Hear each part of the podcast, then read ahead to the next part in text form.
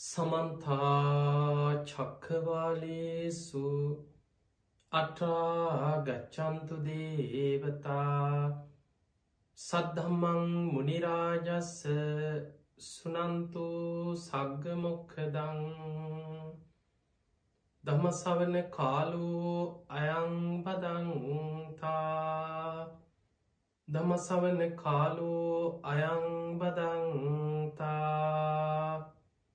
තම සවන කාලු අයංබදංතා නමුතස්ස භගවතු වරහතු සම්මා සම්බුද්ධස්ස නමුතස්ස භගවතු වරහතු සම්මා සම්බුද්ධස්ස නමුතස්ස භගවතු වරහතු සම්මා සම්බුද්ධස්ස හැම දෙනාටම තෙරුවන් සන්න ප්‍රාර්ථනා කරමින් අද ඔබ හැම දෙනෙක්ම කළම්බු ටෙලිවිෂන් මෙත් සඳහම් විකාශයේ උතුම් දායකත්ත ධර්ම දේශනාවක් එක්කයි මේ එකතු වෙලායින්නේ. පිංහතුනි අද මේ ධර්මාණු ශාසනාවේ පිම්බර දායකත්ත ධර්මය කටයුතු කරන්නට දෙන්නේ ඉරේෂා ඩිග්‍රෝස් මහත්මිය විසින්.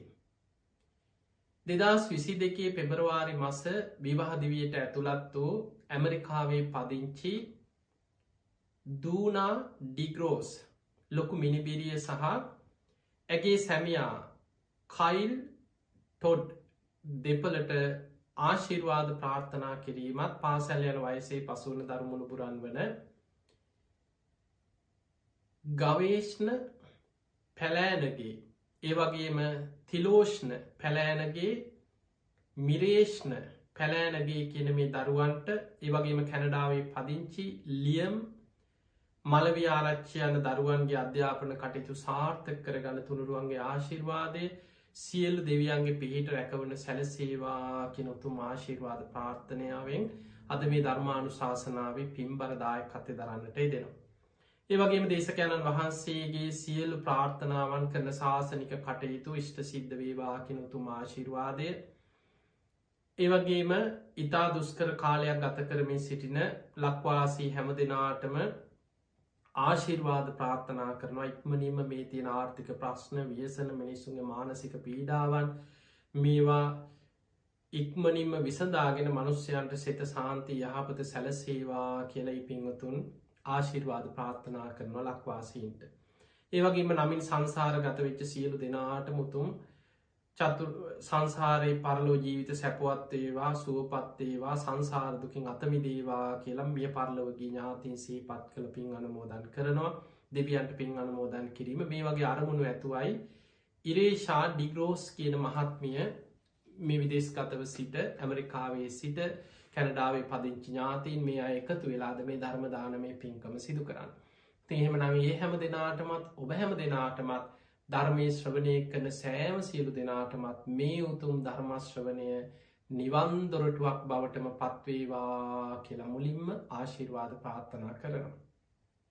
පිංහතුනේ අද අපි මේ ධර්මාණු ශාසනාවෙන් කතා කරන්නේ බුදුරජාණන් වහන්සේ අනාගත ලෝකයේ සිදුවෙන මහා විපත්තුනක් බුදුවැසින් දැකලා බුදුරජාණන් වහන්සේදා මහා සාල කියල බ්‍රාහ්මණයකුට විස්තර කරපු අංගුත්තර නිකායි තික නිපාතය සඳහන් වෙන මහා සාල දේශනාව ඇසුරෙන් මේ වර්තමානය අපි මූුණදීලා තියෙන ප්‍රශ්න ගැටලු විපත් විශේෂෙන්ම දවසින් දවස වර්ධනය වෙන මේ ලෝකයේ මහා යුද බියක් ආයමත් වර්ධනය වේගෙනෙද්දී මෙවැනි විපත් යුද්ධ ව්‍යසන ස්වභාවික විපත් මේ සියල්ලත් එක්ක අනාගත මනුස්ස වර්ගයා මොනවගේ විපතකටද පත්වෙන්නේ. බුදුරජාණන් වහන්සේ බොහෝම ලස්සනට අනාගතයේ දකින බුදු ඇසින් බුදුරජාණන් වහන්සේ මේ මහා සාලකින බ්‍රාහ්මණයට මේ දේශනාවදි දේශනා කරන්නට හෙදුණ. පිංහතුන මේ දේශනාව සඳහන් වෙන්නේ මහා සාල කියන්නේ බමුණගේ නම මේ බ්‍රාහ්මණය දවසක් බුදුරජාණන් වහන්සේ මුණගැහිල්ලා වන්දනා කරලා එකත් පසකින් වාඩි වෙලා බොහොම ගෞරවෙන් බුදුරජාණන් වහන්සේගෙන් අනාගතය ගැන ප්‍රශ්නයක් විමසනවා. ඒ තමයි තමන් අහලා තියෙන තමන් විශ්වාස කරගෙන ඉන්න මිනිස්ව අතර පැවතිච්ච යම් අදහසක් ස්වාමීණි මේක ඇත්තද. අනාගතය මෙහෙම වෙනවද කියලා හු අහනවා. ඔහු අනෝ බුදු ස්වාමීණී භාකතුන් වහන්ස මං මෙහෙම දෙයක් අහලා තියෙනවා. අතීත වැඩ සිටිය බුදුරජාණන් වහන්සේලා බෝ ආවිෂ ඇති දීර්ඝ ආවිෂ ඇති බුදුවරු අතීත ලෝකෙ පහළ වනා කියලමං අහලා තියෙනවා. සාමිනි භාග්‍යතුන් වහන්ස මේ ඇත්තද. අතීත වැඩ සිටිය මනුස්්‍යයන්ට දීර්ඝ ආවිශ්‍ය තිබුණ කියල මං අහලා තියෙනවා. මීට වඩා අවුරුදු දහස් ගණනින් දීර්ඝ ආවිශ්‍ය පැවතුනා කියලා අහලා තියෙනවා. සාමිනි භාග්‍යතුන් වහස මේ කාරණය ඇත්තද. මේ තියෙන ආවිශ්‍යත් අනාගත එන්නෙන් අඩුවෙලා අඩුවෙලා මිනිස්සුන්ගේ ආවිශ්‍ය බොහෝ අඩුවෙලා අනාගත මනුස්සයා බොහෝ විපත්වලට වියසනවට ගොදුරු වෙනවා කියලා මම අහලා තියෙනවා. සාමිනී භාක්‍යතුන් වහස මේ කාරණය ඇත්තද කියලා බුදුරජාණන් වහන්සේගේ මේ මහා සාලකින බමුණ විමසනවා. අන්න එතනති බුදුරජාණන් වහන්සේ වදාළ මහා සාල ඔබෝය අහල තියෙන කාරණය සත්‍යයක් කියව. අතීත වැඩ සිටිය බුදුරජාණන් වහන්සේලා බොහෝ ආයුෂ ඇති දීර්ඝ ආයුෂ ඇති බුදුරජාණන් වහන්සේලා අතීතයේ වැඩ සිටියා කියල බුදුරජාණන් වහන්සේ වදා පිංහතුනේ ඔබ දන්නව සත් බුදුරජාණන් වහන්සේලා ගැන බහල ඇති විපස්සි සිකී වෙස්සබූ කකු සඳ කෝනාගමන කාශ්‍යප අපේ බුදුරජාණන් වහන්සේගේ සමඟ ගෞතම කියන මේ සත්බුදුරු ගැන අපි අහලා තියෙනවා සත්බුදු වන්දනා කරනවා සත්බුදුරජාණන් වහන්සේලා වෙනුවෙන් මිනිස්සු පුද පූජා කරනවා. ඊළඟට අපි අහලා තියෙනවා සූවිසි බුදුරජාණන් වහන්සේලා. අටවිසි බුදුරජාණන් වහන්සේලා ගැනත් ඔබ අහලා තියෙන. එතකොට සමහර වෙලාට ඔබට ප්‍රශ්නයක් ඇතිවෙන්න පුළුවන් සත්බුදුරජාණන් වහන්සේලා අටවිසි බුදුරජාණන් වහන්සේලා සූවිසි බුදුරු කියන්නේ ඇයි එහෙම බුදුරජාණන් වහන්සේලා වෙන වෙනම ගණනය කෙරෙන්නේ. ඇයි හෙම වුණේ. පිංහතුනේ අපේ බුදුරජාණන් වහන්සේ බොහෝ බුද්ධ දේශනාවල සූට දේශනාවල සඳහන් වෙනවා.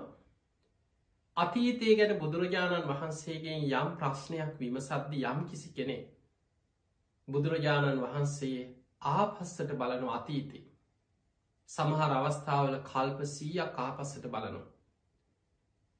මෙන්න මේ විදිහට ආපස්සට බලලා මේ අතීතය ආසන්නම පහළ වෙච්ච මේ සත්බුදුරජාණන් වහන්සේලා ගැන බුද්ධ දේශනාවල බුදුරජාණන් වහන්සේලා ඒ නම් ඒ විස්තර ඒ ඒ කාලවල තොරතුරු ඒ විස්තර බුදුරජාණන් වහන්සේ දේශනා කරමින් විස්තර කරමින් දහම් දෙසනවා.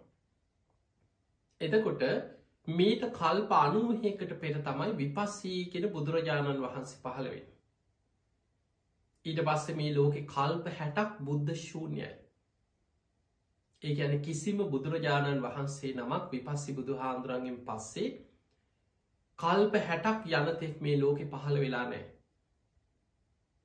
ඊට පස්සේ එකම කල්පේ බුදුරජාණන් වහන්සේලා දෙනමක් පහළ වෙනවා සිකී වෙස්ස බූ කියන බුදුරජාණන් වහන්සේලා දෙනම. ඒ මීට තිස්සෙක් කල්පයකට පෙර.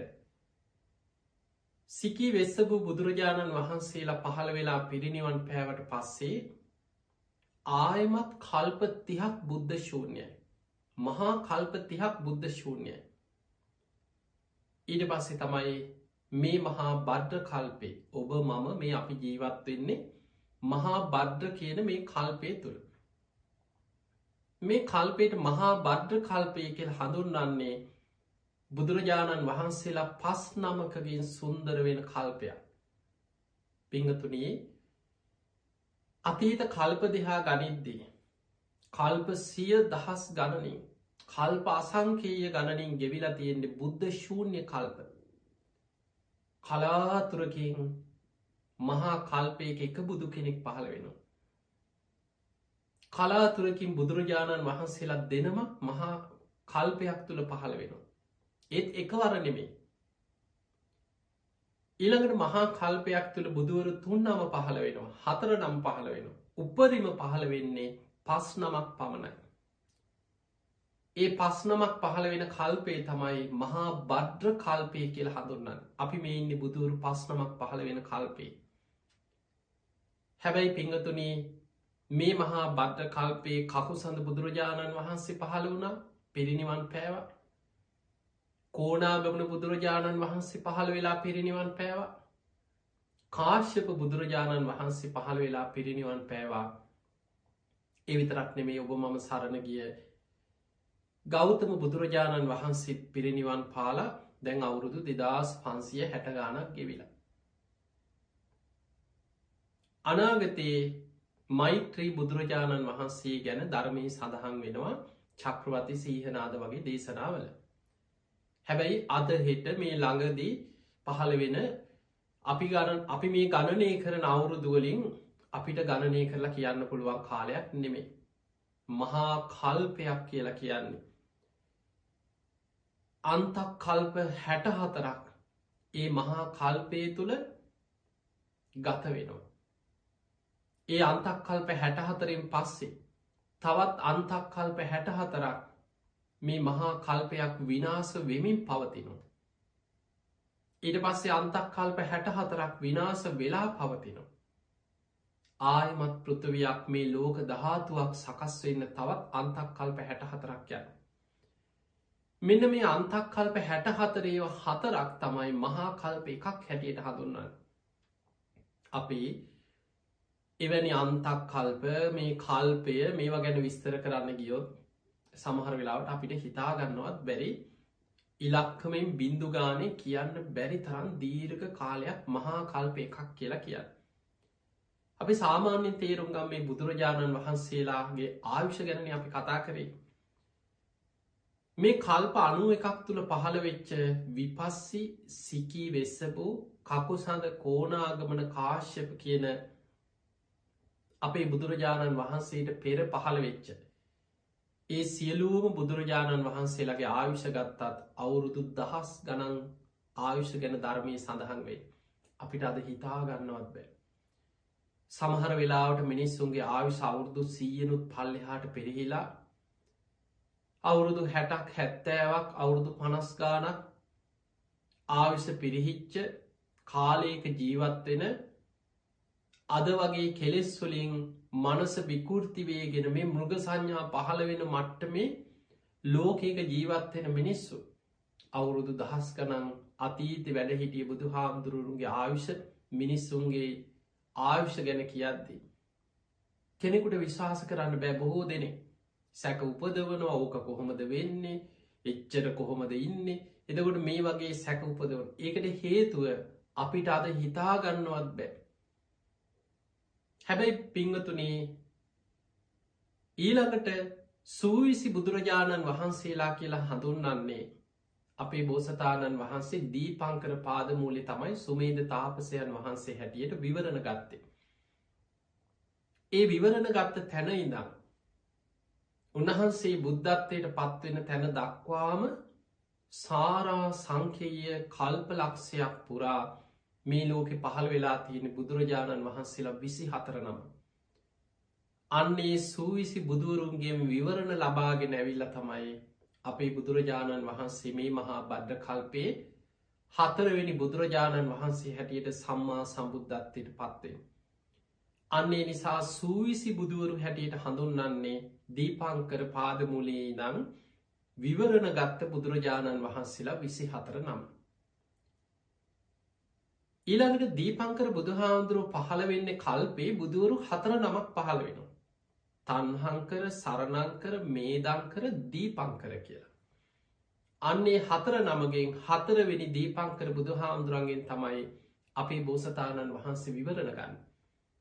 එතකොට අර සූවිසි බුදුරජාණන් වහන්සේලාට අර තන්හංකර මේ දංකර සරණංකර කියල ඒ බුදුරජාණන් වහන්සේලාත් තුන් නමත් එක තුනාට පස්සේ අපේ බුදුරජාණන් වහන්සේත් ඇතුළුව අටවිසි බුදුරජාණන් වහන්සේලා හැටියට බුදුරු විසි අට නමක් ගැන අපිට බුද්ධ දේශනාවල අතීත ඒ දේශනාදිහා බලද්දි මේ ත්‍රිපිටක ග්‍රන්ථ තුළින් ඒ අටුවා ග්‍රන්ථ තුළින් අපිට තොරතුරු අධ්‍යයනය කරලා ඔයාගන්න පුළුවන්කම තියෙන.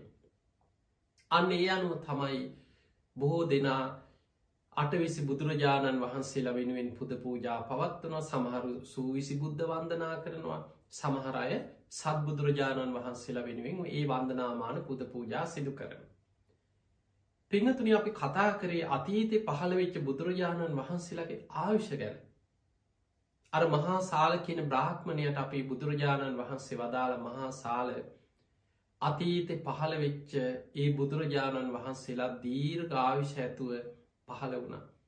පිංහතුනී සූවිසි බුදුරජාණන් වහන්සේලාගේ ආවිෂ ගත්තා අටවිසි බුදුරජාණන් වහන්සේ අපි දන්න පෙර පහළ වෙච්ච සියලුම බුදුරජාණන් වහන්සේලාගේ තොරතුරු ධර්ම ග්‍රන්ථවලින් අධ්‍යයනය කරලා බලද්දි. ඒ සියලුම බුදුරජාණන් වහන්සේලාගේ ආවිෂ අවුරුදු දහස් ගණනී සඳහන් වෙන්. ඔබ මම සරණගි අපේ ගෞතම බුදුරජාණන් වහන්සේ අල් පාවිශ්ක බුදු කෙනෙ. උන්වහන්සේ ගැන පෙර බුදුවරු ගැන විස්තර වෙන තැංවල සඳහන් වෙන්නේ අපේ බුදුරජාණන් වහන්සේ අල් පාවිශ්ක බුදු කෙනෙ. මිනිස්සුන්ගේ ආවිශ අඩුම කාලයක තමයි අපේ බුදුරජාණන් වහන්සේ පහළවෙන්. ඔබ අහලතිනව බෝසතාණන් වහන්සේලා දෙව්ලොව ඉඳං දෙවියන්ගේ ආරාධනය ලැබුණට පස්සේ දෙවිවරු ආරාධනයක් කරනවා කාලෝ යන්තේ මහාවීර මහාවීරයන් වහන්ස ඔබහන්සිට දැන් කාලයයි. උපපජ්ජ මාතු කුච්චයක් මිනිස් මවකුසක ගිහින් උපදින්න. සදේවකන්තාරයන්තෝ බුද්ධස්සු අමතම් පදක්. මේ අමුෘත්ත නිවන අවබෝධ කරගෙන දෙව්මිනිස් ලෝකයා සංසාර්දුකින් එතර කරවන සේක්වා කියලා ආරාධනා කරන. ඒ ආරාධනය ලැබුණට පස්සේ තුසිත දෙව්ලව ඉන්න බෝසතාණන් වහන්සේ පාරමී සම්පූර්ණ කරපු බෝසතාණන් වහන්සේ මනුලව දිහා කාරණ පහක් ගැන විමසනවා. අපි කෙනවා පස් මහ බැලුම් බලනවා. කාලය දීපය දේශය කුලේ මව එතන කාලය කියල බලන්නේ මිනිස්සුන්ගේ ආවිශ අවුරුදු සීයට වඩා පහලට පිරිහිලා නං ඒ අන්තක් කල්පය තුළ මහා කල්පයක අන්තක් කල්ප හැට හතරක් තියෙනවා. ඒ බෝසතාණන් වහන්සේ දෙව්ලව ඉඳම් බලනවා මිනිස්සුන්ගේ ආවිශය අන්තක් කල්පයේ පිරිහිගෙන පිරිහිගෙන ගිහි අවුරුදු සිහියෙන් පහලට පිරිහිච්ච කාලයක්ද. අවුරුදු සීයෙන් පහලට ආවිශ පිරිහිලා නම් බුදු කෙනෙක් ඒ කල්පේ ඒ අන්තක් කල්පි ලෝකෙ පහළ වෙන්නේ. දැන් අපේ බෝසතාණන් වහන්සේ එදා දෙවියන්ගේ ආරාධනය ලැබුණට පස්සේ මනුලෝ බලද්දී මිනිස්සුන්ගේ ආවිෂ අවුරුදු සීයට වඩා චුට්ටක් වැඩි.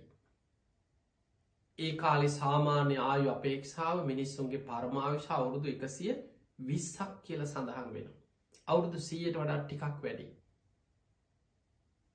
පිංහතුනී හැබැයි ඒ කාලි දැන් ඔබ දන්නවා බක්කුල මහරහතන් වහන්සේ අවුරුදු එකසිය හැටක් වැඩ හිටිය. දිවස් ලාබීන් අතර අග තැන්පත් අනුරුද්ධ මහරහතන් වහන්සේ අවුරුදු එකසිය පණහක් වැඩ ඉඳලතිය. මහා කාශිප මහරහතන් වහන්සේ විසාකා උපාසිකාව ආනන්ද හාමුදුරු අවුරුදු එකසී විස්සක් ජීවත් වනා කියල සඳහන් වෙන මහා කාශප මහරහතන් වහන්සේ අවුරුදු එකසිය විස්සා තුන්ගෙන ධර්ම සංගායනාව සිදුකරපු මොග්ගලී පුත්ත තිස මහරහතන් වහන්සේ පවා අවුරුදු එකසිය විස්සක් වැඩ හිටිය. ඒ කාලි බොහෝ පිරිස් අවුරුදු එකසිය විස්ස ඊටත් වඩා වැඩිපුර අවුරුදු එකසිය තිය හතලිය සමහරු අවුරුදු එකසිය පණහ වැඩිම වැඩයින්තපු විස්තර ගැන ධර්මය සඳහන් වෙන්නේ බක්කුල මහරහතන් වහන්සේ ගැන අවුරුදු එකසිය හැටක්. එදකොට අපිට පේන මීට අවුරුදු දැන් අපි මහා කල්ප මීට වඩා දීර්ඝ කාල ගැන අපිට තේරුමක් නැති වුණාට සාමාන්‍යෙන් නිකමට ඔබ හිතන්න ඔබේ බුදුරජාණන් වහන්සේ මීට අවුරුදු දෙදස් පන්සිය හැටගානකට පෙර පහළ වෙනකොට සාමාන්‍ය මිනිස්සුන්ගේ ආයුෂ අවුරුදු එකසිය විස්සක් ඊට වඩා වැඩිපුරත් හිටිය. දැන් අද අපි කොච්චර විද්‍යාව දියුණුයි තාක්ෂණය දියුණුයි වෛද්‍ය පහසුකන් දියුණුයි අද කරන්න බැරි දෙයක් නෑ කියලා අපි හිතනවා.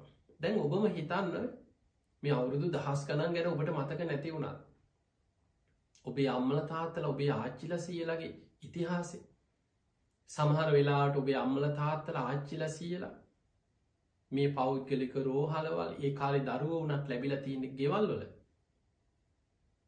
මේ ලොකු පහසුකම් මේ සීස කරන පහසුකම් මේ කිසි දෙයක් ඉසර තිබිලන වෛද්‍ය පහසුකම් මේ වකු අඩු බද්ධ කරනේවා හදවස් ඇත්කම් ඕ ඉස්සර තිබිලනෑ මීට අවුරුදු පණහාකට හැටකට සීයකට හාව හිතන් සාමාන්‍ය ගමක හිටපු වෙද මහත්තේ එවැනි කෙනෙක් තමයි ගමක මේ බෙහෙත් වට්ටෝරු ටිකක් සාමාන්‍යයේ ගස්වල කොල පොතු මේ වගේ ආයුර්වද බෙහෙත් වර්ග මිනිස්සු භාවිතාවට ගත්තේ.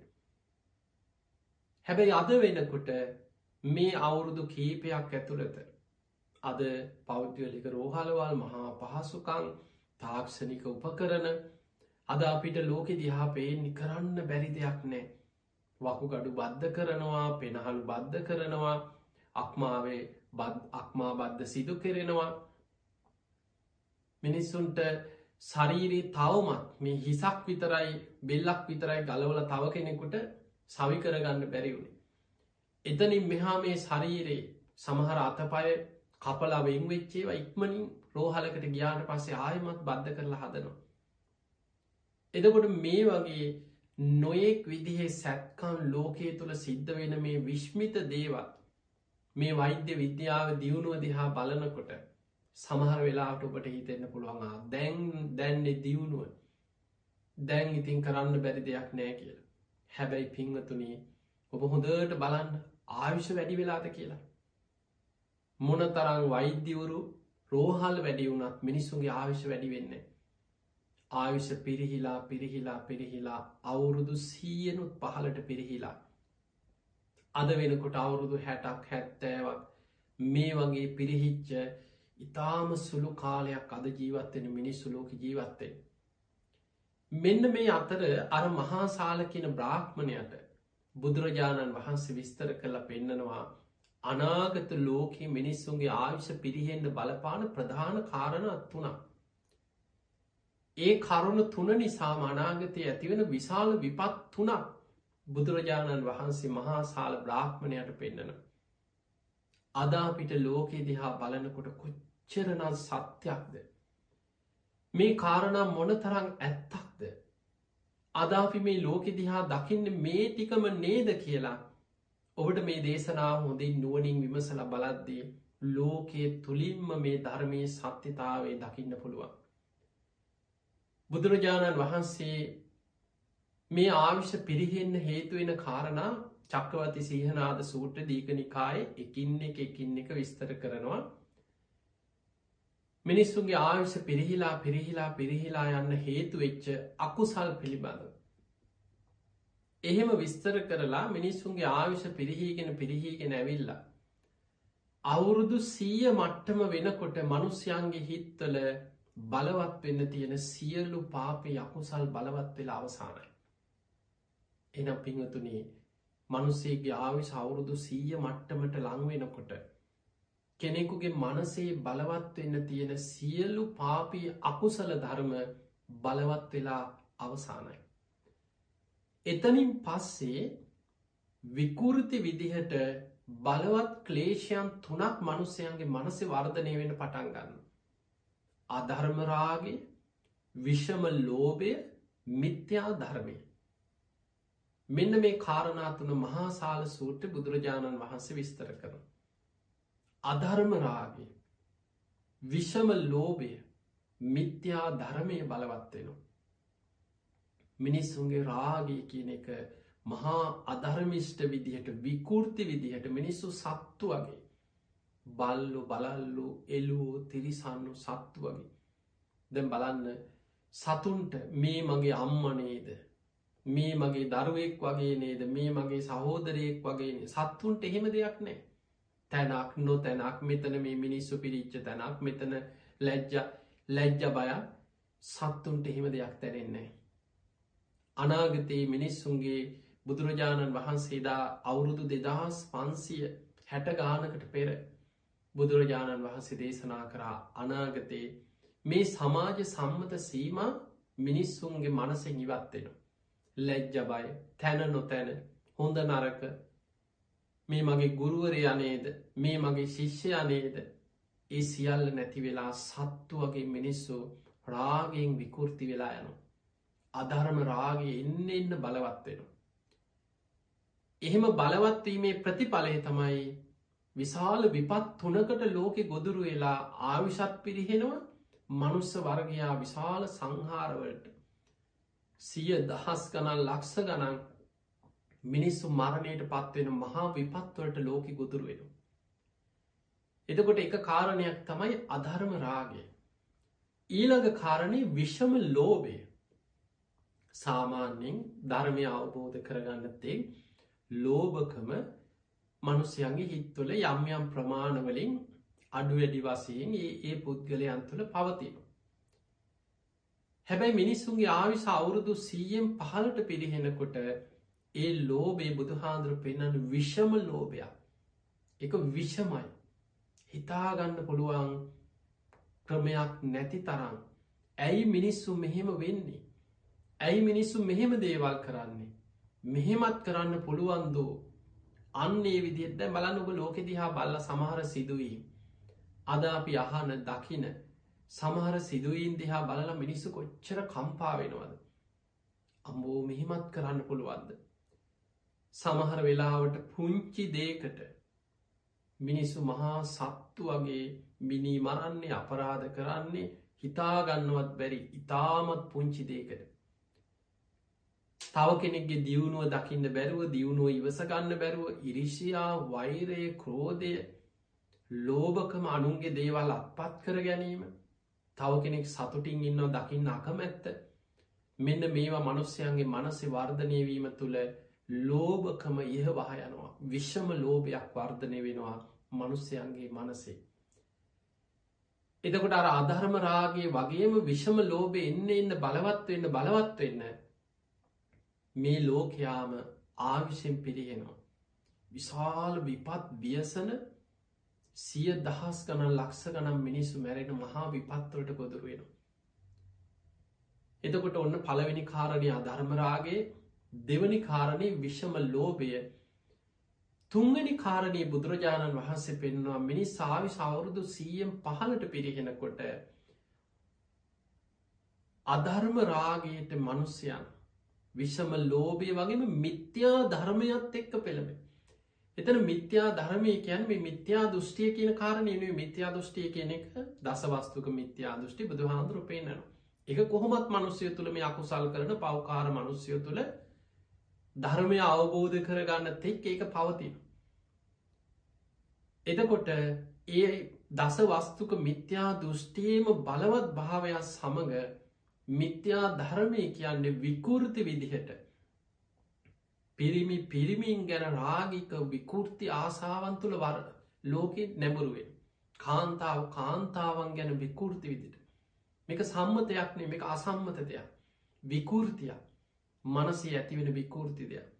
ඒ තුළ සමහර රටවල් සමහර සමාජ ඒවා නීත්‍යානකුලෝ පවා එක හරි කියන තැනට සමාජයේ අනාගත ලෝකේනවා එදකොට මෙන්න මේ විකෘති තුන ලෝකයේ බලවත්වෙන්න පටන්ගන්න මිනිස්සුන්ගේ ආවිස අවුරුදු සීයම් පහලට පිරිහෙන්න පටන්ගන්න තැනයිද. අධර්මරාගේ විෂමලෝභය මිත්‍යා ධර්මය. මෙන්න මේ කරුණු තුන බලවත් වෙනකොට ඒක ප්‍රතිඵලය මේ කාරණා නිසා ඇතිවෙන්න ප්‍රතිඵලය බුදුරජාණන් වහන්සේ පෙන්න්නනවා මහාසාල බ්‍රාහ්මණය අනාගතයේ විශාල විපත් තුනකට මනුස්ස වර්ගයා ගොදුරු වෙන. දැන් ඔබ මේක දිහා මේ කියන කරුණු දිහා ලෝක බලන්න ඇත්තට මේ විපත්වලට අපි ගොදුරු වෙලාද නැද්දක. බුදුරජාණන් වහන්සේ විස්තර කරනවා අධර්ම රාගයයි විෂම ලෝභයයි මිත්‍යා ධර්මයයි බලවත් වෙනකොට. මනුස්්‍යයෝ සත්තු වගේ කෙලෙස්වලින් විකෘති වෙනකොට පොලෝවාසී දෙවියම් මනුස්්‍යයන්ගෙන් ඇත්තෙනවා. මිනිස්සුන්ට උපකාර කරපු දෙවිදේවතාවරු මිනිස්සු දිහා උපකාර නොකර අහක බලන. දෙවියන්ට කල කිරීමක් ඇතිවෙන පිංහතුනේ දෙවියන් පලිගන්නවා නෙමේ මතක තියාගන්න.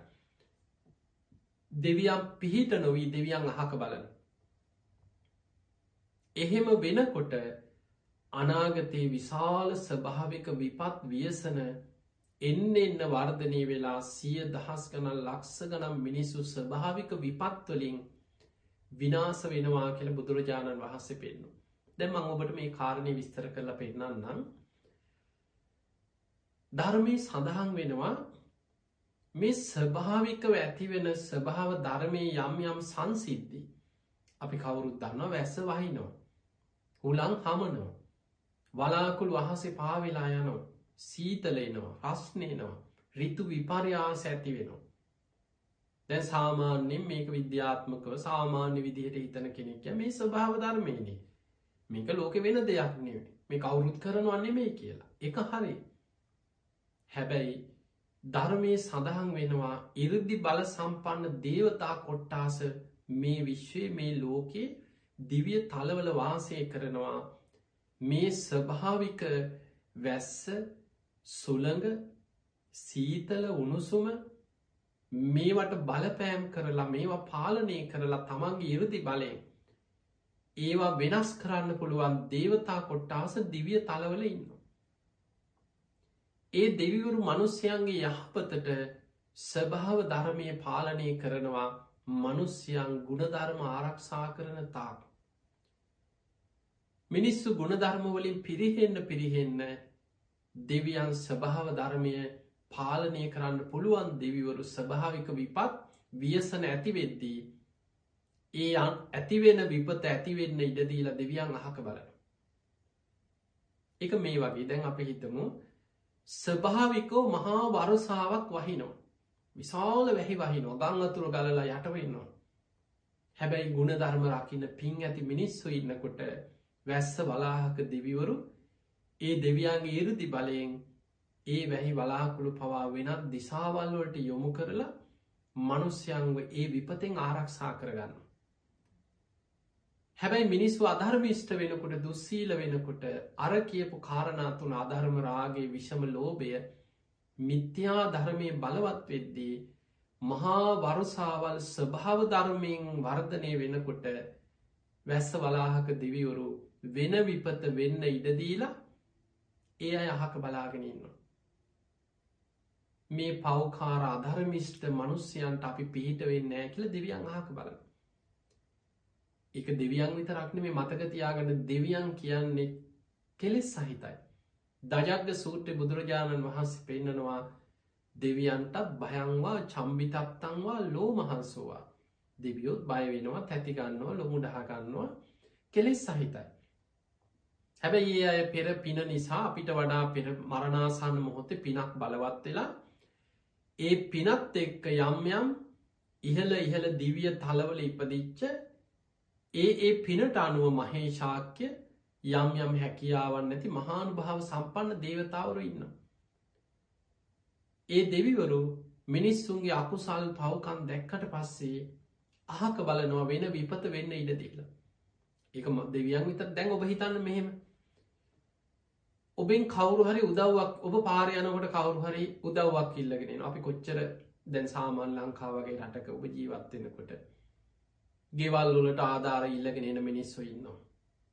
සමහර වෙලාවට නොයෙක් විදිහට කෑම ඉල්ලගෙනෙනවා අසරණකං කියාගෙනෙනවා බොරුවට රිසිත් පොත් හදාගෙනෙනවා කොහෙට හරි දානයක් දෙන්න කියලාන එක ඒක ජාතිය නානා ප්‍රකාර මිනිස්සු වෙනවා. දැන් ඔබ හිතන්න ඔබෙන් උදව්වක් ඉල්ලගෙන කවරු හරි එනවා අසරණකමක් කියාගෙන.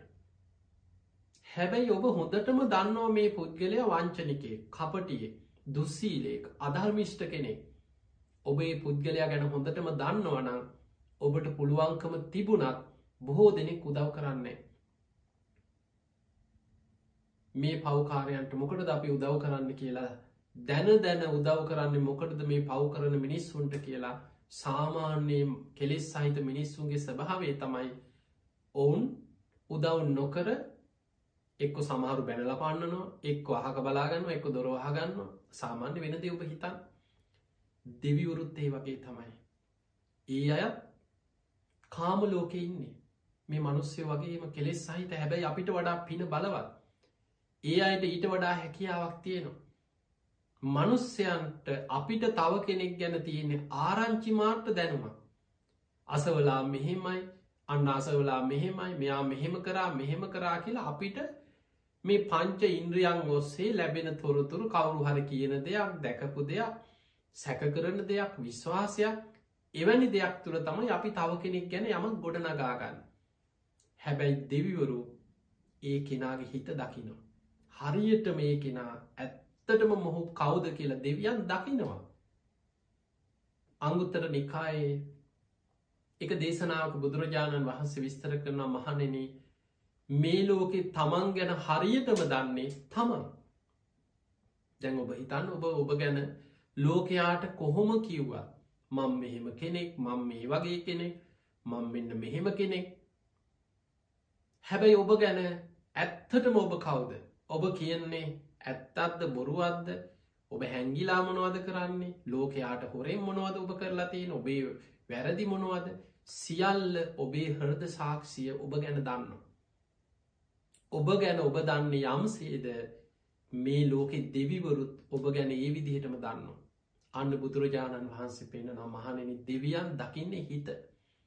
ඔබේ හර්ද සාක්ෂිය දෙවියන්ට හිත දකින්න පුළුවන්.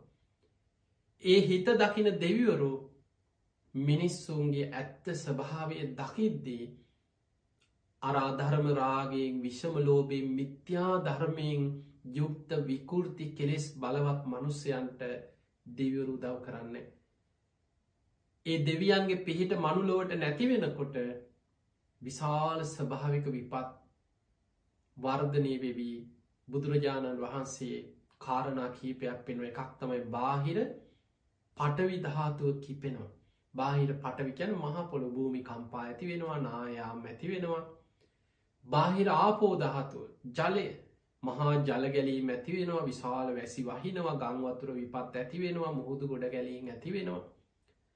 බාහිර තේජෝධාතුව කිපෙන බාහිර තේජෝකැන උණුසුම පරිසර උෂ්ණත්වය වැඩි වෙනවා ගිනි කඳු පුපුරනවා උණුසුම වැඩි වෙලා මිනිස්සු මැරෙනවා ලෝකෙ බාහිර වායෝධාතුව කිපෙනෝකේ බාහිර වායෝ කැනි සුළඟ සුලි සුලං කුණාටු එවැනි විපත්වලින් මේ සතර මහා ධාතු නිසා බාහිර ඇතිවෙන විපත් වර්ධනය වෙලා සිය දහස් ගණන් ලක්ස ගණන් මනුස්්‍යයන් මරණයට පත්වෙවී අනාගතයේ විශාල ස්භාවික විපත් වර්ධනය වෙනවා කියල බුදුරජාණන් වහන්සේ වදාල්. දැන් ඔන්න මීට අවුරුදු දෙදස් පන්සිය ගානකට පෙර මහාසාල බ්‍රාහ්මණයට බුදුරජාණන් වහන්සේ මේ කරපු කාරණාව අද ඔබට ඇත්තද නැත්තද කියලා අද ඔබට ලෝකෙ දිහා බලලා තේරුම් ගන්න පුළුව ඔය එකක්. ඊළඟ දෙවනි කාරණය අද අපි අත්දකින මේ මහ විශාල ව්‍යසනයකට දින දින ලංවෙන විපත්. දෙවනි කාරණය බුදුරජාණන් වහන්සේ වදාළ මහනෙන අර මහාසාල බ්‍රාහ්මණයට පෙන්න්න බ්‍රාහ්මණය මිනිස්සු අධර්ම රාගයෙන් විෂම ලෝබයෙන් මිත්‍යා ධර්මයෙන් බලවත්වෙනකොට එකිනෙකා එක එක කණ්ඩායම් මතවාද ආකල්ප ඒවා අනුව බෙදෙනවා. ගම් ගම්වල මිනිස්සු බෙදෙනවා. නගර නගර අනුව බෙදෙනවා.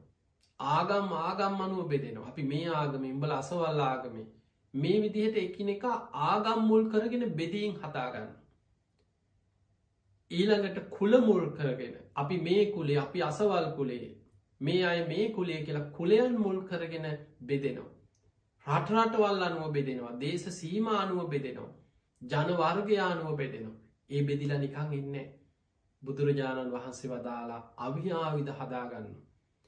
අනාගත එන්න එන්න තියුණු ආයුද විශාල වියසන විපත් කළ හැකි ආවිධ මිනිස්සු නිර්මාණය කරගන්නවා ඒ බෙදී මනු. ඊළඟට තම තමන්ගේ මතවාදවලට අනුව මිනිස්සු ආගම් ආගම් අතර යුද්ධ ඇති කරගන්න. මිනිස්සු මරාගන්න. ගම් නගරානුව මිනිස්සු බෙදිලා යුද්ධ කරගන්න.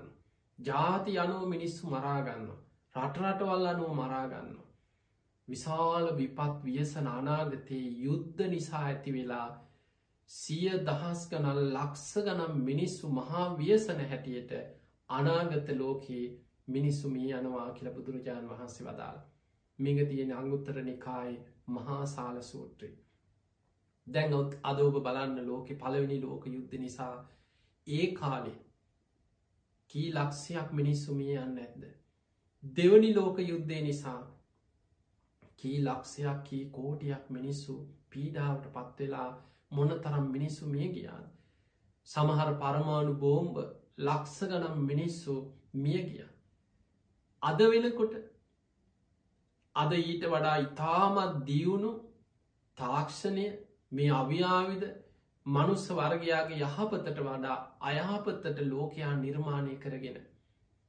අද තියෙන මේ බෝම්භ පරමාණු බෝම්භ න්‍යශ්ටික අවියාවිද මේවත් එක්ක යම් විපතක් දැන් අද මේ ලෝක රටවල් අතර ඇති වෙලා තියෙන මේ යුද්ධ මේ අතර සමහර දැන් ඔබ බලන්න සමහර මේ ලංකාවේ ඉන්න අය වෙන්න පුළුවන්. සමහරු මනසින් ඔබට අදහලත් නෑ අපි මේ රටට උදව් කරන්න අපි මේ අයට මෙයා හරියා වැරදි.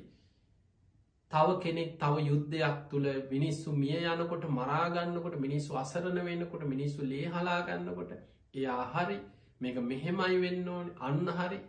ඒ තුළ තවමිනි පිරිසක් ඒක රස විදිනවා. ඒ තුළ තව කොටසක් සතුටු වෙන්න උත්සාහ කරනවා. කෙනෙකුගේ යුද මේ ජයග්‍රහණයක් තුළ තව පිරිසකගේ දුක කඳුල මරණය තව කෙනෙක් සතුටක් විදිනවා. ජයග්‍රහණයක් හැටිය. එතකොට මේවා වර්ධනය වෙලා දැන් ඔබ හිතන්න මේ ලෝකෙ ඇතිවෙන මේ විපත් වියසන මහා යුද්ධ හැටියට තව තව රටවල් එකතු වෙලා එකතු වෙලා අනාගතයේ විශාල විපතක් වර්ධනය වුණු මේ ලෝකයේ මනුස්ස වර්ගයා මොනතරන් සංහාරයක් කෝටි ගානක් මනුස්්‍යයම් මිය යන්න පුළුවන්. බුදුරජාණන් වහන්සේ බුදු වැසි මේ කාරණා දැකලා.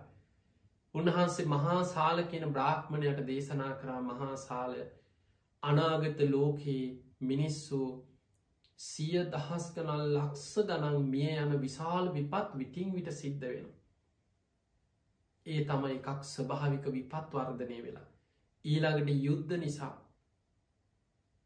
දැම් බලන්න ලෝකයේ යුද්ධයක් නැති රටක්. කලාතුරකින් මේ ලෝකයේ රටවල් බලාගෙන බලාගෙන එහා කෙලවරේ නම් මෙහා කෙලවරට ලෝකෙ බොහෝ රටවල් වල ඉතිහාසේ හොයාගෙන හොයාගෙන ගියත් යුද්ධයක් නැසි.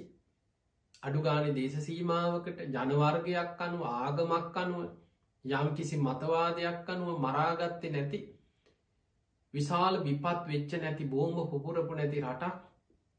මිනිස් අව්‍යාවි දරගෙන සිය දහස් කනම් මරාගත්තේ නැති යුද්ධයක් නැති රටක් හොයන් කලාතුරකින් ඒ නිසා එන්න එන්න මේ විපත් වර්ධනය වෙනවා පිංහතුනි අපි ජීවත් වෙන්නේ මහා විපත් වර්ධනය වෙන යුගයක.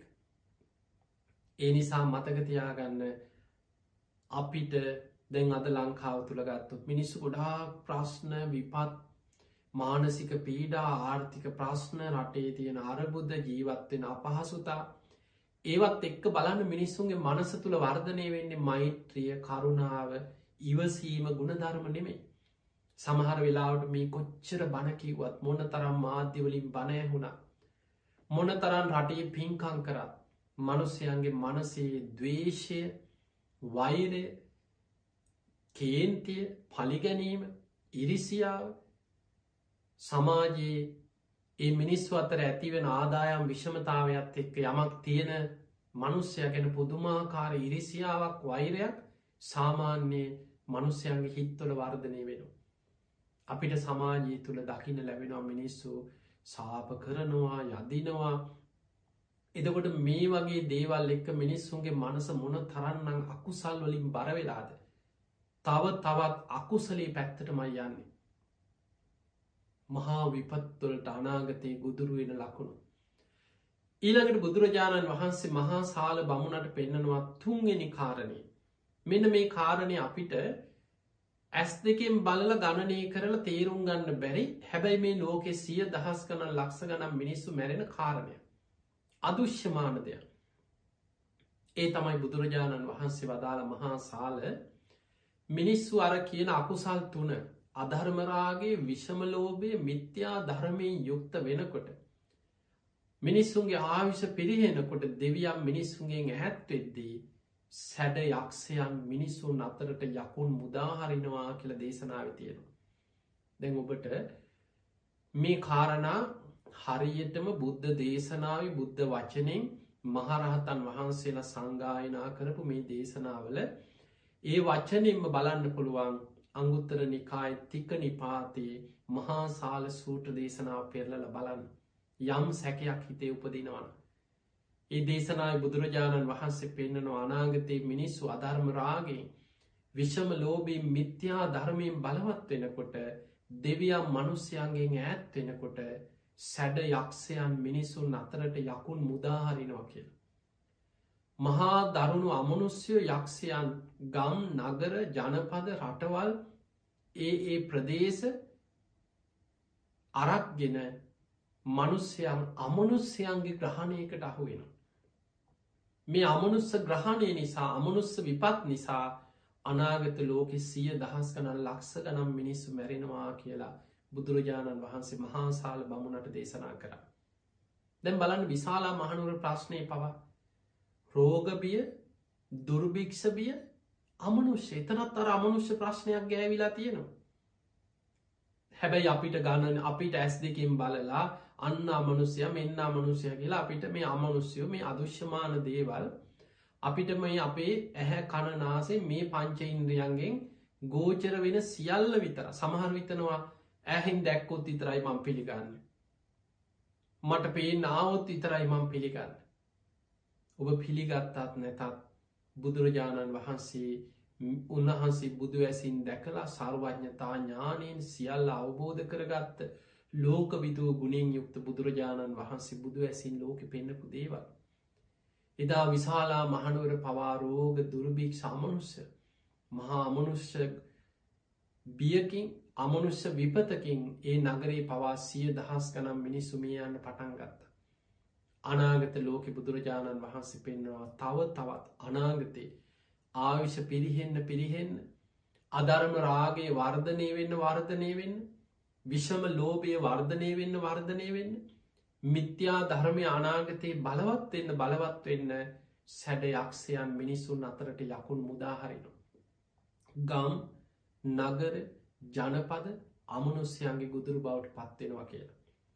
ඊළඟට සමහර යුද්ධ වියසනවලදි පවා ඔබ පේතවත්වේ තියෙන දේශනා කියවලා සමහර අමනුස්්‍යයෝ ගැන යක්ෂයෝ ගැන තියෙන තොරතුරු ධර්මයට අනුව අධ්‍යයනය කළ යම් දැනුමක් තියෙනවා නම් ඒ දේශනාවල සඳහන් වෙනවා අර කෙලෙස්වලින් විකෘති වෙච්ච අධර්ම රාගයෙන් විෂම ලෝබේ මිත්‍යා ධර්මයෙන් බලවත් අකුසලේ යෙදෙන මනුස්්‍යයන් අමනුස්්‍යයන්ගේ ග්‍රහණයකට නතු වෙලා සමහර අමනුස්යෝ ඉන්නවා මිනිස්සුන් අතර ගැටුම් ආරවුල් ඇති කරන. අමනුස්්‍ය තම ඒවට මැදිහත් වෙලා මිනිස්සුන්ගේ මනස පොළොඹවන්න එක පේන්නේ නැති දෙයක්. මිනිස්සු රණ්ඩු වෙනවා මරාගන්නවා ආවිධ ගන්නවා රන් ඒවැන් ඇන කොටා ගන්නවා අන්න එතකොට ගම් නගර කණ්ඩායම් මිනිස්සු මරාගන්නකොට ඒ ගලනලේ ඒ තුවාල ඒ මලක්මිනී කුණු වෙලා යනකොට මේවා ආහාර කරගන්න අමනුස්යෝ මනුස්්‍යයංග ගොදුරු කරගෙන විපත්වලට මිනිස්සුන්ග ඇදලදානවා කිය. ඒ ගලන ලේටික ඔමුරාබනු. අර මිනි කුණු වෙලා යනකොට දුර්ගන්ධ ආග්‍රහණය කර. එතකොට අර කෙලෙස්වලින් විකෘති වෙච්ච ධර්මයෙන් ඈත්තච්ච මිනිස්සු තනිකරම අමනුස්්‍යයන්ගේ ගොදුරු බවට පත්වෙනවා. මේ විපත් වන අනාගතයේ සිද්ධ වෙනවා කියල බුදුරජාණන් වහන්සේ වදාළ.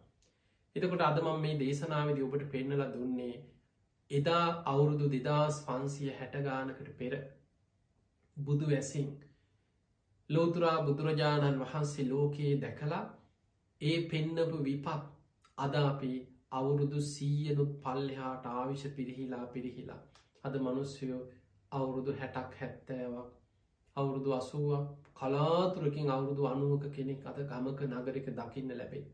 මිනිස්සුන්ගේ ආවශ කොච්චර පිරිහිලාද.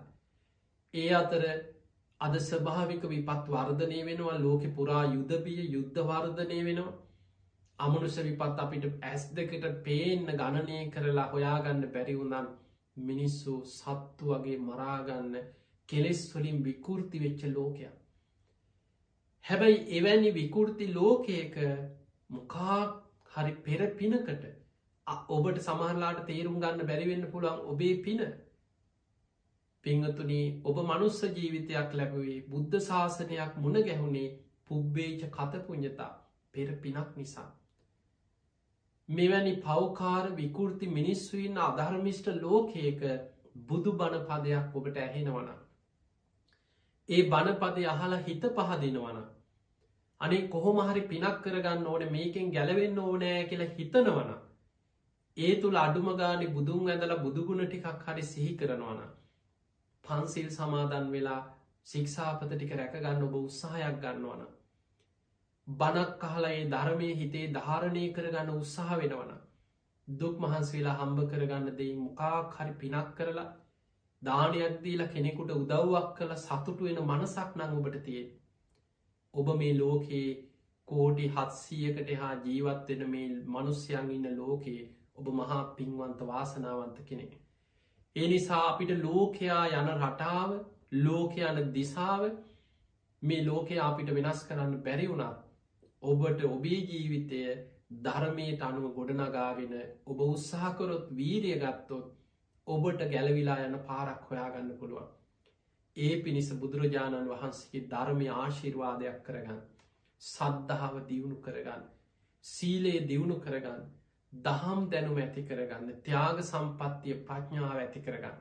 තිං ඔබ හැම දෙනාටම මේ ලැබිච්ච මනුස්ස ජීවිතය අවසන් වෙන්න පෙර සද්ධහා සීල සුද්ධ තියාග ප්‍රඥාදී ගුණ ධර්ම දියුණු කරගෙන. උතුම් වූ ධර්මයම අවබෝධ කරගන්නම වාසනාව ලැබේවා ලැබේවා ලැබේවා කියල අපි ආශිර්වාද ප්‍රාර්ථනා කරනවා.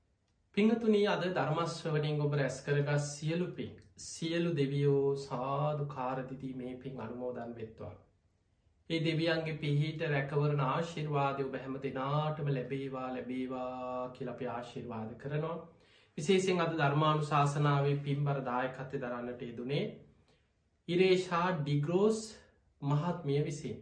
විශේෂෙන් එතුමිය දෙදස් විසි දෙකේ පෙබරවාරි මස විවාහදිවියට ඇතුළත් වූ ඇමරිකාවේ පදිංචි දූනා ඩිග්‍රෝස් ලොකු මිනිබිරිය සහ ඇගේ සැමියාවන කයිල් ටොඩ් දෙපලට ආශිර්වාද ප්‍රාර්ථනා කිරීමත් පාසැල් යන වයිසේ පසුවන දරු මුණ පුරන්වන ගවේෂ්ණ පැලෑනගේ තිලෝෂ්ණ පැලෑනගේ මිරේෂ්ණ පැලෑනගේ කියනේ දරුවන්ටත් කැනඩාවේ පදිංචි ලියම් මලව්‍යාරච්චි කියනේ දරුවන් හැම දෙනාටම නිදුක් නිරෝගී සම්පත්තිය තුරුණුවන්ගේ ආශිර්වාදය ඒ දරුවන්ගේ අධ්‍යාපට කටයුතු සාර්ථක කරගෙන අනාගතයේ යහපත් කරගන්න මේ ධර්මදානමේ පින ආශිර්වාදයක් වේවා කෙනුතු ආශිර්වාදය ඒ පිංහතුන්ගේ උතුම් අරමුණු අතර සඳහන් වෙනවා. ඒවගේ ධර්ම දේශකයණන් වහන්සේට ආශිර්වාද ප්‍රාර්ථනා කිරීමත් ඉතාම දුස්කර කාලයක් ගත කරන ලක්වාසී හැම දෙනාටම මේ පවතින ආර්ථික ප්‍රශ්න අරබුද මිනිස්සුන්ගේ හිත්වල තියෙන මේ දවේශය වෛරය කේන්තිය අසාහනය මානසික පීඩනය මේවා දුරු වෙලා ලක්වාසීන්ට සිත සාන්ති යහපත සැලසේවා කියලම පිංහතුන් විදිස් ගතව ඉදං ලාකිකයන් හැටියට ලක්වාසීන්ට ආශිර්වාද ප්‍රාථනා කිරීම ධර්ම දේශනාව අරමුණ. ඒවගේම නමින් මිය පල්ලවයන්නට ඉතුුණු සියලු සංසාරගත ඥාතීන් සාධු කාරදිදී මේ පින් අනුමෝදන් වෙත්වා ඒගේ පරලෝ ජීවිත සැපුවත්තේවා සුවපත්තේවා සංසාරදුකින් අතමිදේවා කියල පින් අනුමෝදන් කරනවා. ඒවගේම සියලු දෙවියන්ට පින් අනුමෝදන් කිරීමත් ඉරේෂා ඩිග්‍රෝස් මහත්මිය යුතු මරමුණු අතර සඳහන් වෙනවා. ඉතින් එහෙමන අද ධර්මදානමේ පින්කම සිදුකරපුයි හැම දෙනාමත් ඔබ හැම දෙනාමත් ධර්මය ශ්‍රවණයක ලක්වාසි ලොවාසි හැම දෙනාටමත් මේ සියලු පින උතුම් ධර්මාවබෝධය පිණිසම ආශිර්වාදයක් පාරමිතාවක්ම වේවා වේවා කියලපි ආශිර්වාද ප්‍රාර්ථනා කරනවා. ආකා සට්හාජ බුම්මට්හා දේවානාගා මහිද්දිකා පුඤ්ඥන්තන් අනුමෝදිත්වා චිරන්රක් කන්තුලෝක ශාසනං ආකා සට්හාජ බුම්මට්හා දේවානාගා මහිද්දිකා පුඤ්ඥන්තන් අනුමෝදිත්වා චිරන්රක් කන්තු දේශනං ආකා සට්හාජ බුම්මට්හා දේවානාගා මහිද්දිකා පුඤ්ඥන්තන් අනුමෝදිත්වා චිරන්රක් කන්තුතුවං සදා. හැම දෙනාටම සම්මා සම්බුදු සරණ